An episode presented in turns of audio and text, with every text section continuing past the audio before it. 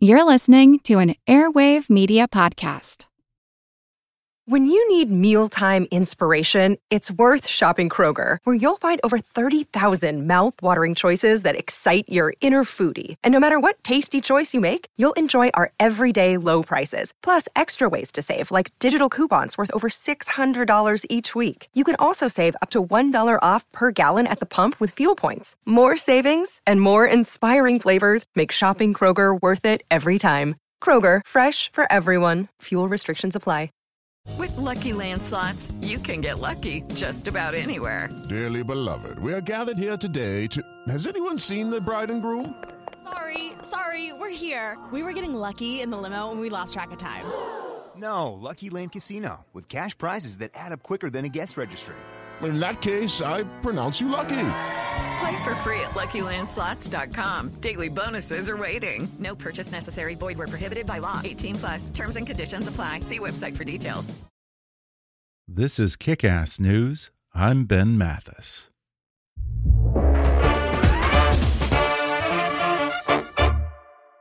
Looking for some sparkle under the tree?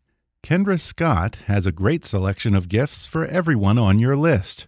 From a classic pendant necklace to an on trend statement earring to something customized just for her, visit kendrascott.com and use promo code KICK or mention this ad in your local Kendra Scott store for 20% off your next purchase.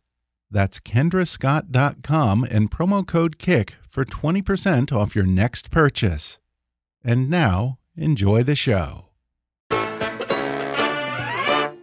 Hi. I'm Ben Mathis. Welcome to Kick Ass News. Whether on the right or left, many Americans have a sense that our democracy is in crisis. And as a people, our fractured partisanship and ignorance on critical issues drive our leaders to stake out even more extreme positions. Now, in a soul searching and incisive examination of our failing political culture, Harvard Law professor Lawrence Lessig speaks to every citizen, offering a far reaching platform for reform that could save our democracy and make it work for all of us. His book is called They Don't Represent Us Reclaiming Our Democracy. And today, Larry Lessig joins me on the podcast to discuss a fundamental issue that he says underlies many of our current political problems, something he calls unrepresentativeness. He offers some creative prescriptions for how to cure America's unrepresentativeness problem, such as public funding of election campaigns, including campaigns for Congress, a radical restructuring of the U.S. Senate, and some ways that we can reform the Electoral College without having to change the Constitution. He also says we, the people, are complicit in America's political dysfunction and suggests some ways that Americans can take a more proactive role in government, from civic juries to citizen referenda. Plus, I asked this distinguished legal scholar to weigh in on the impeachment of President Donald Trump. Coming up with Lawrence Lessig in just a moment.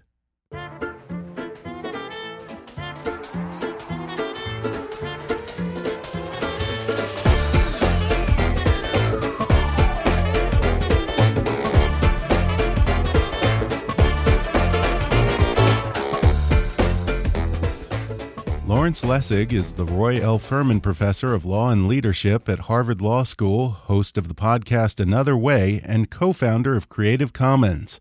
He clerked for Judge Richard Posner on the Seventh Circuit Court of Appeals and for Justice Antonin Scalia on the United States Supreme Court. He is a member of the American Academy of Arts and Sciences and the American Philosophical Society. He's also the author of 12 books, including Republic Lost and his latest, they don't represent us, reclaiming our democracy. Professor Lessig, welcome to the podcast. Thanks for having me. Well, it's a pleasure to have you on the show. You've got some great ideas in this book. And before we get to it, I, I, feel like I would be remiss if I didn't take the opportunity to ask such a distinguished law professor as yourself to weigh in on impeachment. From what you've heard so far of President Trump's efforts to persuade Ukrainian President Zelensky to investigate Joe Biden, do you think that his actions rise to the level of an impeachable offense? Well, I certainly think that the evidence so far, especially the stuff that President Trump has himself relied upon, demonstrates that there was the kind of exchange that the impeachment clause is explicitly condemning. Um, Mhm. You know, the impeachment, impeachment clause doesn't speak just of high crimes and misdemeanors, it speaks of, speaks of bribery. And bribery is the exchange of something of value to the government, uh, of the government, with uh, something that is benefiting you in a personal way. So clearly, when you say, I'm going to release funds or imply you're going to release funds in exchange for information that would be used for the political benefit of the president, that's um, plainly within the terms of what um, the impeachment clause would be Mhm. prescribing. So I, I think there's this is really an easy case now, unlike the early questions around the Mueller investigation. This is an easy case now, and the only question is whether uh, the Senate has the um, uh, the will or the conviction to do anything about it. Okay. But I'm curious does the impeachment clause provide for the bribery of a U.S. official or the bribery of a foreign official? Is that a little bit of a gray area there? I think it's the activity of engaging in bribery. Okay. Um, and you know, uh, it doesn't matter who's being bribed by whom. It's just you know that that is a corrupt act. yeah. It was done for corrupt intent, uh, where corrupt intent means for personal benefit. You know, it's completely okay for the United States um, president to say to a country, "Look, we'll give you aid if you agree to help us out in the following treaty, or we'll give you aid if you agree to send troops to help us on the following mission." You know that that kind of exchange, that kind of quid pro quo, is totally normal in the context of government. But when you do it to benefit yourself or to benefit your political campaign, then that's what creates a corrupt intent that makes it cross the line from the ordinary hmm. workings of government into something policed by bribery. Well, impeachment has certainly sucked up all the political oxygen over the past month. And as you point out in your book, our attention is drawn to the dumpster fire. As you say, we are wired to be distracted by the dramatic. And you also say that we focus way too much on Donald Trump and his latest offense of the moment, but not enough on the big institutional changes that need to happen in this country. How do we get people to pay more attention to these sweeping long term problems and less on the more immediate crises? I'm not sure we can. I mean, Really? I think it's a real tragedy and challenge of this moment. Um, that in some sense, all of us recognize that whatever the problem of the American government, it wasn't caused by Donald Trump, uh, and it won't disappear if Donald Trump is not president. Um, the problems that plague our current government are uh, really systemic, deeply embedded inside of the institution of democracy that we've evolved. And we need to recognize both how those problems will make it impossible for us to address any of the issues that people want to debate about um, sensibly, whether that's climate change or healthcare or growing an economy or dealing with the debt um, um, or you know AI or any of the issues people argue about. Um, we cannot deal with any of those issues sensibly so long as we have this deeply broken um, federal government. And so um, I think that somehow we have to motivate that attention. But I think we also need to be, uh, you know, recognize that uh, it might be not possible given the nature of the other crises that are uh, before us. So, um, I, you know, I constantly hope that we'd see, for example, Democratic candidates making the issue of corruption more central to their campaign. Mhm. Um, but uh, so far, we haven't seen that um, at a level that I think translates into political force yet. Yeah.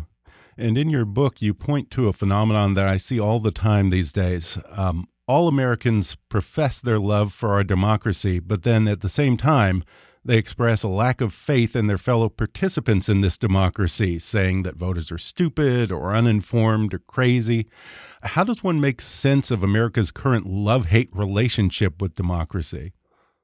I do think that we've entered this period where, you know, the media renders us uh, kind of ridiculous. You know, we, um, unlike the era of what we could call broadcast democracy, that's a term that um, Markus Prior, who's a Princeton political scientist, uses to describe the period sort of roughly 1950 to 1985, when you know the whole of our culture is focused on a small number of networks who are delivering the news every single day, and you know you can't avoid being exposed to that because you want to have your television on, but that's the only thing that's on. So you you're exposed to this news, this regular news, um, limited by a very strong journalistic ethic to be down the middle, mainstream news.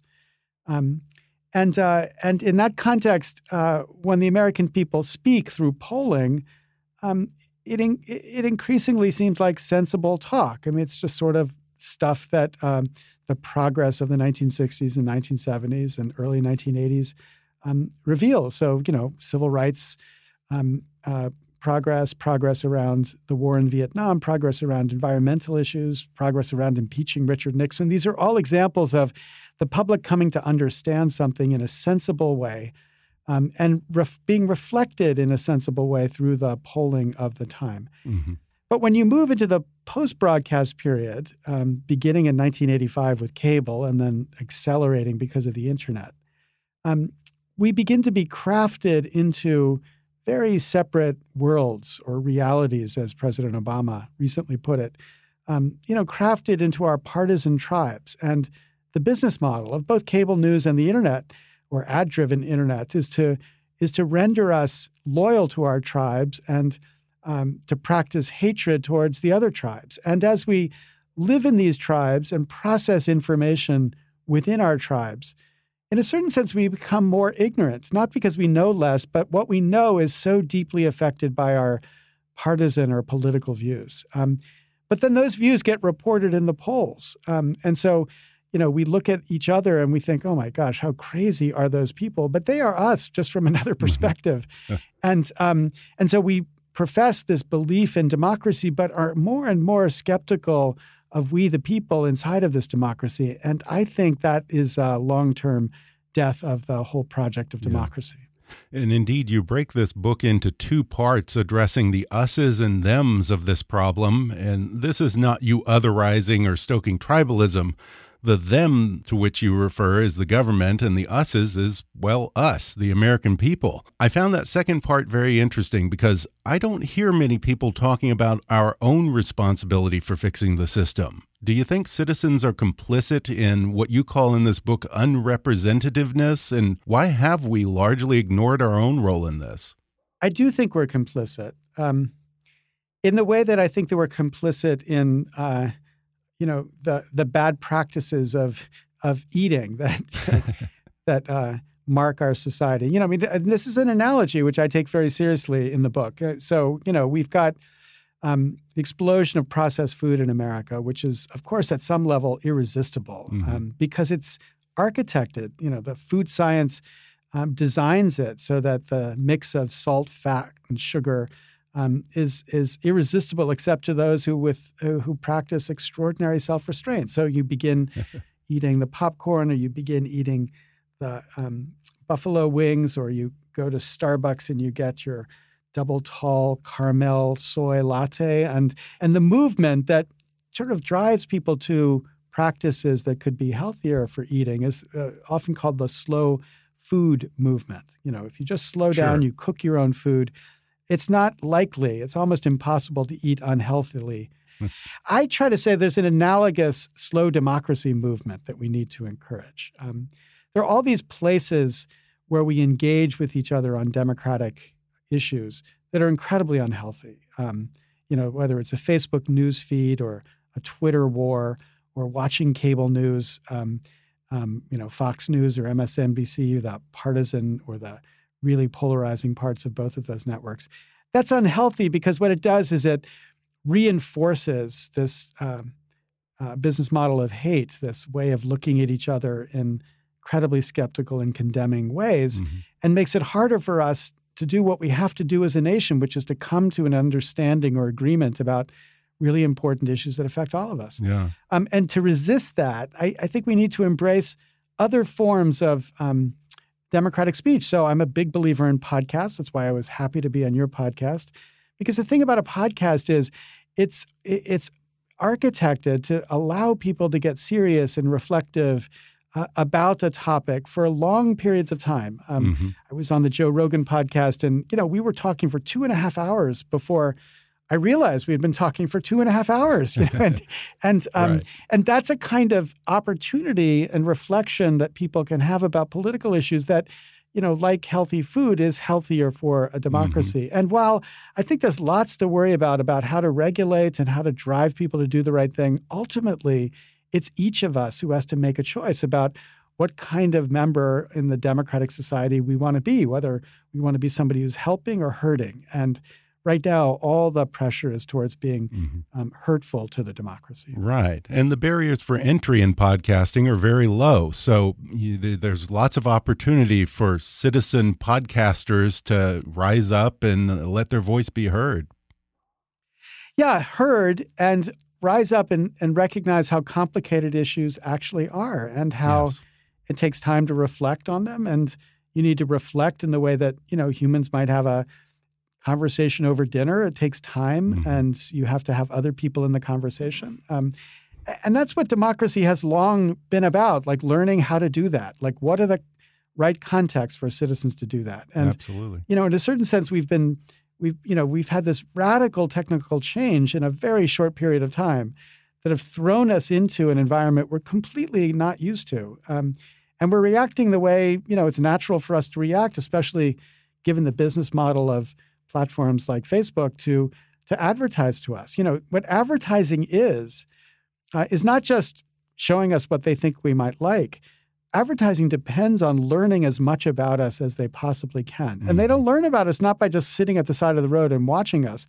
They learn about us by tweaking us or poking us or prodding us to say certain things or to do certain things so that as we do those things we le- they learn more about us. Um, and that whole dynamic is incredibly invasive um, and also debilitating for the opportunity of us to learn how to engage with each other in a democratically responsible way. So I, do think we have a responsibility here, each of us individually. But the but the solution is not obvious. I mean, as you see at the end of that book, I I marched through a bunch of different things we should do. I think we can do. But at the end, I'm not convinced that any of them are going to be enough. I'm not convinced there is a solution to this, given the way technology has Mhm. has taken us over. Um, but I do think we have to fight to try because if we don't, and just like you know monarchy across most of Europe, when people began to think it was ridiculous and uh, support for monarchs disappeared, um, I think support for democracy is really tenuous. The more we see um, these crazy results that are a product of this unreflective Right. tribalism uh, playing out in democracies in places like Britain and the United States. And not just here in the US, but all over the world. The constant refrain lately is democracy is in retreat. I hear it all the time. Do you believe that democracy is truly in retreat? And if so, why now? Why this moment in history? I do think it's in retreat. I think it's in retreat because it's producing results that we are deeply skeptical of, um, both because of them and because of us. I mean, mm. because of them in the sense that, as I describe in the first part of the book, because of the deeply corrupted systems of representative democracy we have allowed to evolve, both here and around the world. But you know, let's talk about here. You know, we have a system of government that's supposed to be a representative democracy. But there are any number of ways in which it's obviously unrepresentative. So the way we fund campaigns, you know, candidates spend 30 to 70% of their time raising money from a tiny fraction of the 1%. Right. Obviously, that produces incentives that are not representative, or gerrymandering, where members in Congress are obsessed with keeping the extremes of their own party happy because they live in safe seats, which means seats that only the party in power could ever win, but they could be challenged in a primary. And of course, the only people you're worried about in a primary are even more extreme versions of yourself. So that creates enormous representational power for the extremes in our political system and not so much for people who stand in the middle. Or the president gets elected through an electoral college system that only uh, cares about the so called swing states, the states that could go either way. In 2016, 99% of campaign spending was in 14 states. But those swing states don't represent America. They're older, they're whiter, their industry is not the cutting edge of industry in the world. Um, and so, again, we have a president who cares about not representative America, but this weird uh, swing state America, or you know, systems for suppressing the vote of the people who don't happen to be in your party that typically express itself in racial terms. So when Texas and Georgia throw people off the uh, ballots, they're throwing people off who are typically people of color. Um, but they also are political. You know, they're typically throwing people off who are Democrats in a Republican state. These are all ways in which we've allowed the representative democracy to become unrepresentative. And so, therefore, we are skeptical about what it does because it's not doing what we as the people would want it to do. Mm-hmm. But also, we're skeptical of each other and, and our own participation in this democracy because we don't see a lot of good evidence that we can do anything better or that we actually have insight that ought to be guiding um, this democracy, which is partly why I think we see so many people embracing strongman authoritarian ideas. Um, Interesting. Um, which you know, it's it's not the first time this has happened in history. Um, you know, I think about hundred years ago, at the decline of democracy leading up to the world wars, um, you had a similar kind of dynamic. Uh, um, but uh, I think that right now it's so much more pervasive and embedded, uh, and the solutions yeah. are so much harder to imagine. Um, uh, but that just makes the challenge much more urgent. Yeah. Well, I want to start by talking about some of the solutions you propose to the them part of this problem. In terms of government reform, uh, particularly campaign finance reform, you've been a leader on that for a number of years. In your book, you call for public funding of campaigns. Now, we used to have this for presidential campaigns. I think technically we still do, but the candidates themselves turned it down because they could raise more money outside the system. How do you put that genie back in the bottle and convince campaigns to take public financing instead? Right. So the first thing to recognize is that every one of the solutions is uh, expressing the same fundamental value. Mm -hmm. Let's make the system representative. Mm -hmm. So in the way we fund campaigns right now, tiny fraction of the 1% have enormous power because candidates are obsessed about making them happy so they can get the money from this tiny fraction of the 1%. Right. So I think we need a version of public funding that changes that dependency, like changes that corrupt dependency. Mm-hmm. And the version that I support is something like democracy dollars or democracy vouchers, um, um, which there are a number of candidates uh, right now um, who are pushing this idea, including Bernie Sanders and Andrew Yang. Um, Kirsten Gillibrand had the most aggressive democracy voucher or dollar program before she dropped out of the race.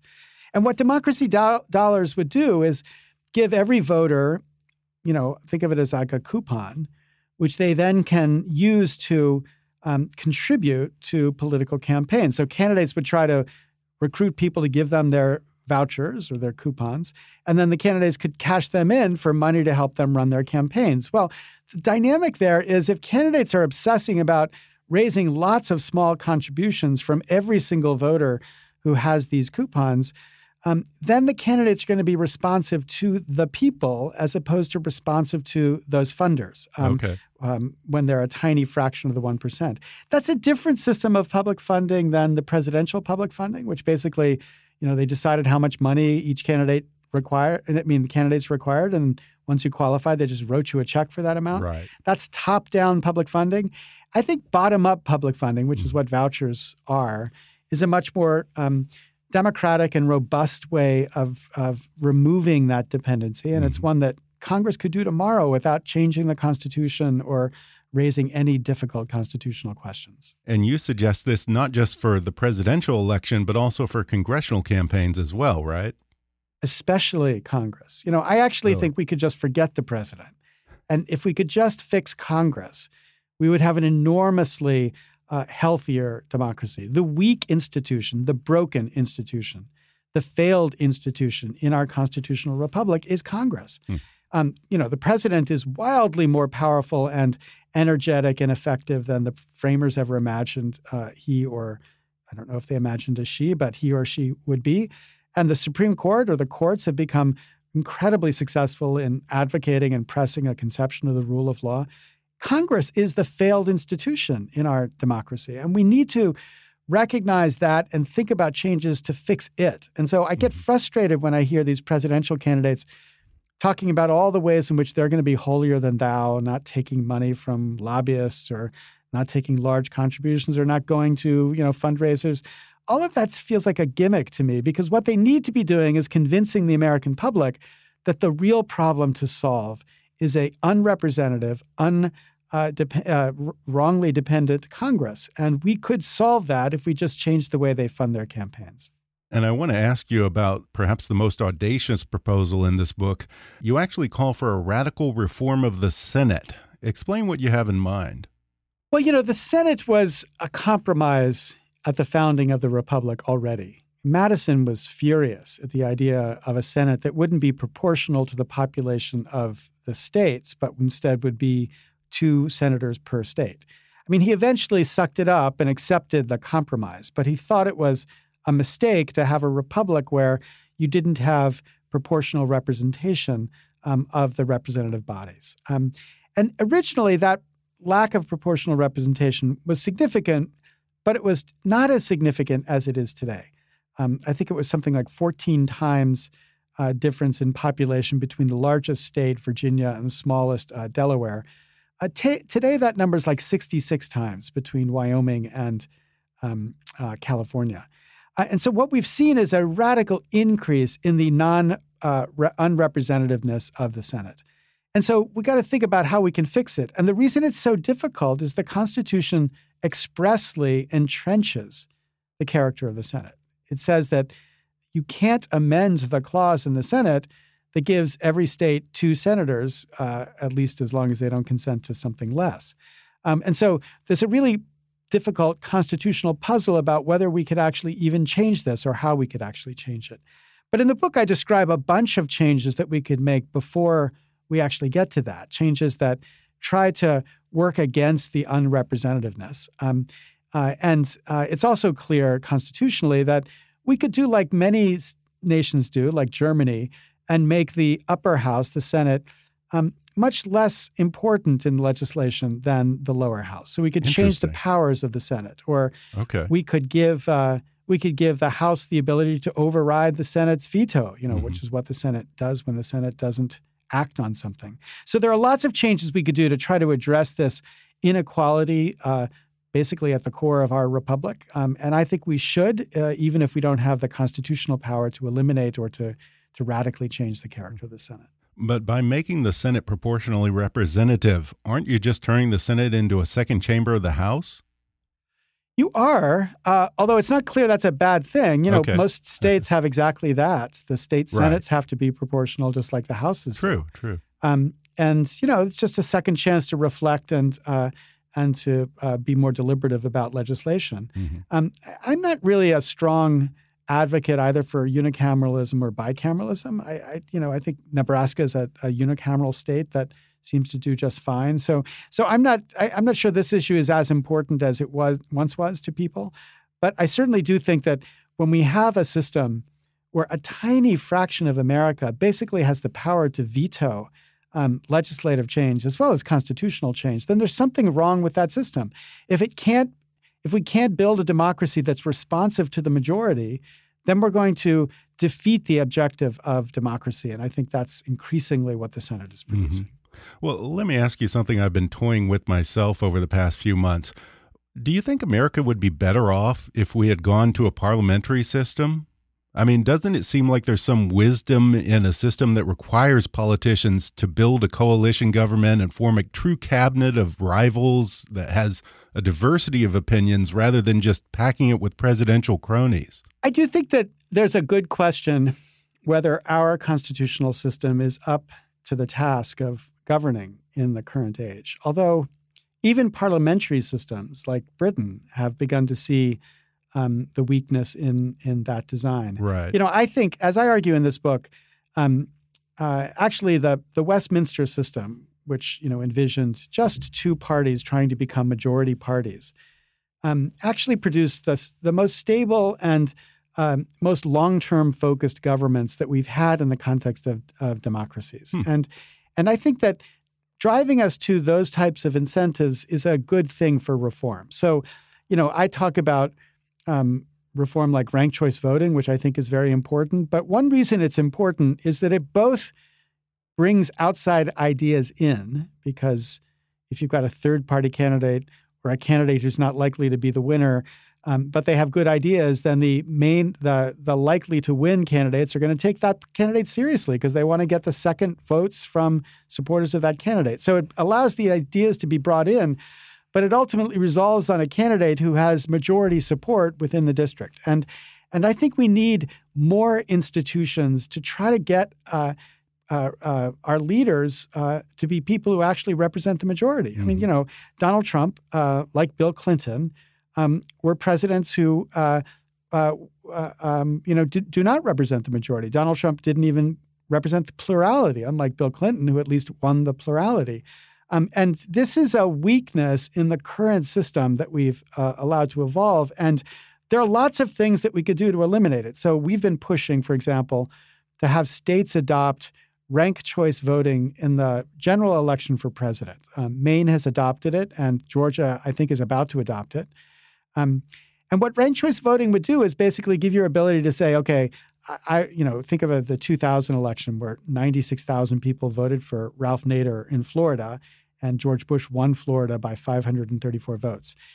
If in 2000 you had said to those Nader voters, look, we'll give you an opportunity to say who's your first choice, and if that person doesn't win, then we'll count your second choice votes. Mm-hmm. Um, you know, of the 96,000 people who voted for Ralph Nader, I think the vast majority would have made Al Gore their second choice. So that when Ralph Nader was not the winner, then we reallocated his first choice votes to Al Gore. Al Gore clearly would have been the winner um, and and uh, carried Florida, and, and therefore would have been the majority elected president in both the Electoral College and in the popular vote.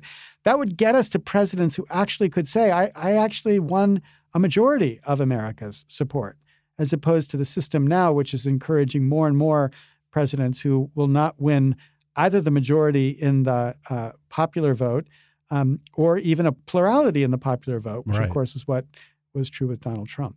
I think there's some wisdom to this because, uh, let's face it, much of the world outside of the U.S. either operates on a ranked choice election or has runoffs. Um, yes. And one thing that's beginning to gain a lot of steam along these lines is the movement to reform or even abolish the Electoral College. It seems to me that it's all the more urgent because, as you pointed out, these inversion elections, like what happened in 2000 and 2016, are only going to become more frequent. You acknowledge that a constitutional amendment abolishing the Electoral College is probably a long shot. My question is why? I mean, that seems like the most common sense thing in the world that every vote ought to get counted. Well, an amendment to the Constitution requires three fourths of the states to agree to it. Mm -hmm. So 38 states. So are there 13 states who would block um, an amendment uh, reforming the Electoral College. I think it's clear that there are more than 13 states who would block any amendment to abolish the Electoral College. Even though popular vote um, for president is popular, um, actually, since Donald Trump, it's become uh, increasingly unpopular among Republicans. Hmm. So the reality is, we don't, as a nation, have an overwhelming consensus in favor of doing what I think we ought to do, which is just to have a national popular vote for the president. Mm-hmm. So there's so there's something less than perfection that I actually think is a possibility, and uh, um, and we're actually working to try to get this amendment teed up. And the idea here is, um, imagine allocating the electoral college votes proportionally in each state according to the proportion the top two candidates get to the fractional level. So you can imagine a Democrat who won 42% of the vote in Montana getting 1.4 or whatever that would be electoral votes from Montana. Um, the advantage that that system would have over the current system is that if you're getting proportional votes at the fractional level for every vote you get in the popular vote, candidates would have an incentive to be campaigning in every single state. There would be no right. swing state bias because if you get a vote in Montana as a Democrat, that's as worth that's worth as much as a vote in Texas or a vote in California. It's all going to drive to you getting a majority in the electoral college. So it gets us a more representative president because it's a president who actually can compete and has reason to compete in every single um, every single state. Mm-hmm. But it still gives the um, traditionalists or the Republicans or the small people who believe in the electoral college the way it is the advantage of small states getting two extra votes relative to what their population would say. So Montana, uh, I'm sorry, Wyoming has a population that is less than the um, minimal number necessary to get a single representative in Congress. That's, that number is about 700,000. Wyoming has less than 500,000. Um, so Wyoming gets three votes in the Electoral College because they get one representative and then they get two senators. And three votes for, you know, less than half a million people is an extraordinarily high proportional number of electoral college votes. But my view is that the consequence of that inequality is relatively small compared to the consequence of uh, running these swing state elections. So I think that this should be a compromise both sides uh, should be open to accepting that we keep the number of electors as it is right now, but allocate them proportionally at the fa- fractional level. And that would significantly improve the opportunity for a nationally representative president um, who, if we adopted ranked choice, would not be a minority president, mm-hmm. either a plurality president or the inversion president that we've seen twice in the last 20 years.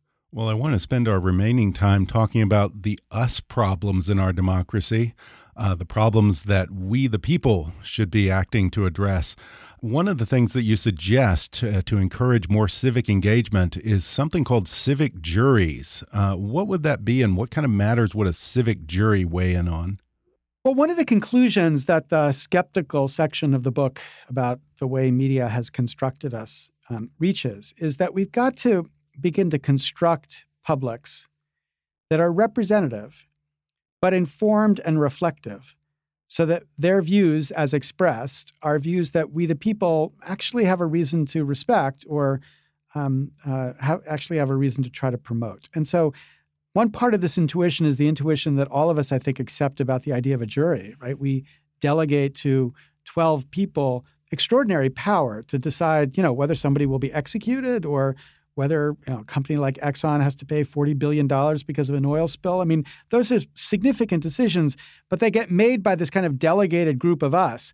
And that delegation is pretty imperfect. I mean, the 12 people are not representative, they're not large enough to be representative. So it's a pretty imperfect delegation we have for the jury um, that we could significantly improve upon um, beyond the context of uh, judicial process. And that's what I think of as a civic jury. So, um, following the work of people like Jim Fishkin, um, who's developed something called the deliberative poll, this system would say, let's find um, large number of randomly selected representative people um, who will be given information on both sides of an issue, given an opportunity to deliberate and uh, talk about the issue, both in small groups and in large groups. And then we take a poll at the beginning of the process and a poll at the end of the process. And we see how they've moved, how they how have they evolved. And now Fishkin's been doing this for 30 years, and there's been scores of these deliberative polls. And um, almost universally, you look at the results and you can understand the sensibility or the wisdom inside it. I saw one really an extraordinary process in Mongolia, where Mongolia has adopted a law that says before they can consider any constitutional amendment, they have to run it through a deliberative poll. So I saw 700 Mongolians randomly selected, representative of Mongolia. Half of them had been on buses for two nights to get to the capital of Ulaanbaatar to participate. And through the course of the weekend, they were deliberating about the constitutional merits of the proposals that they were considering. Um, and at the end, they came up with an incredibly sensible judgment, um, which then uh, really had an enormous impact on the political discussion that followed. And and I, you know, my own view is if it's good enough for Mongolia, it should be good enough for us. Let's find a way to involve us in these processes, not necessarily to make the ultimate decision, but to create a kind of shadow influence where we can say, all right, here's what the crazies in Congress want to do, and here's what the people, given a chance to think and reflect and and reason and deliberate, um, representative every single sector of society, in some sense, standing there. This is what the people properly constituted think. And, mm-hmm. and that view of what the people properly constituted thinks, I think, would constrain um, what our politicians do in a way that would be productive and edifying and give them cover to do things that's really hard for them to do. You know, I mean, we constantly reflect on the fact that um, it's been 20 years since Columbine, but we still have not uh, addressed the problem of gun safety in any significant way. Um, the politicians find it almost impossible, given the influence of uh, money and the NRA and uh, groups like that. But deliberative poll could come up with the right answer and begin to give people almost an excuse to do the right thing. Mm-hmm. Um, and and I think we should experiment with more of this because we need more examples of the people doing something that is. Um, uh, something to be celebrated, not something to be scorned at, if we're going to have continued support for the very idea of democracy. And you highlight several citizen led referendums that succeeded in places like Michigan, New Jersey, and Maine. Do you think that we could benefit from more referenda and ballot propositions that put questions directly to the voters rather than letting legislators decide? In other words, might the solution to unrepresentativeness be to make this less of a representative democracy and more of a direct democracy? Yeah, so I'm not for a direct democracy. Okay. and for and the reasons I'm not for it um, all turn on the problems that I think we see developing with uh, media democracy culture that we now see. Mm-hmm. Like the problem with representative, the direct democracy, is that if you've got people who actually are not informed on the you know the issue in a robust or uh, um, you know uh, complete way, you know if they hear one side of the story from Fox News or one side of the story from MSNBC and they only listen to that one side of the story, then then then their judgment is not something that people should have a reason to make serious or make part of uh, make part of government. Mm. Now, that's not to say that I'm against all referenda. I think, in fact, what we've seen, especially in 2018, is that referendum have been very good at rallying people to build uh, uh, movements for reform. We saw more successful referenda in 2018 um, uh, achieving fundamental reform from gerrymandering reform to ranked choice voting and than at any time in American history, even at the progressive era. So I think that they actually can play a role. But having lived in California for nine years, I can tell you that government by referendum is not sensible government because yeah. you know those those packets of information are incomprehensible. Like I'm a mm-hmm. law professor, I should be able to even just read them, and I couldn't read half of them because they were written in a way not to be understood. Mm-hmm. Um, and so I think it's the solution is not to turn everything over to the people. The solution is to find a way to have a better representative democracy, um, which means both improving them by correcting the unrepresentativeness in our system mm-hmm. and also improving us by giving us ways to participate that you know leverage the best of uh, us by having diverse informed reflective groups of us participate in a process to at least uh, provide our views mm-hmm. Eh, of course, all of this presupposes a desire on behalf of the public to participate. I don't know if I'm wrong or right here, but I don't see a lot of appetite for that. I mean, it's hard enough getting people to just show up to the polls every two years. I might even suggest that the majority of American public is lazy when it comes to politics. Do you really think that they'll rise to the challenge? Well, I, am skeptical of condemnation of the people mm-hmm. inside of a system where the people in so many ways just don't matter. Okay. You know, if you if you're a Fair enough. Republican in a safe seat district for Democrats, why would you vote? Like mm-hmm. what what are you going to get? You know that the representative doesn't care about you, doesn't care about your views. You're never going to matter. Sure. Um, or uh, same thing if you're a Democrat in a safe seat Republican district, or if you see that the politician's bending over backwards to make the contributors to campaigns happy, if you're not a contributor to a campaign, why why would you waste your time? You know, you know it's you know just not as significant. So I think that there's lots of good excuses right now for people not to be involved. I think if you eliminate those good excuses, then more people would be involved. And the way in which I want to get them involved is not something they would be doing every day or every week or even once a year. You know, if they get summoned to be on a citizen jury um, to reflect on some important issue of public policy, whether it's the question of whether we should have a balanced budget amendment to the Constitution or an amendment to overturn Citizens United or some uh, issue around gun safety, you know, they can serve their week. Uh, you know, I, I, actually have a very generous uh, set of proposals for making it very easy for people to be able to participate.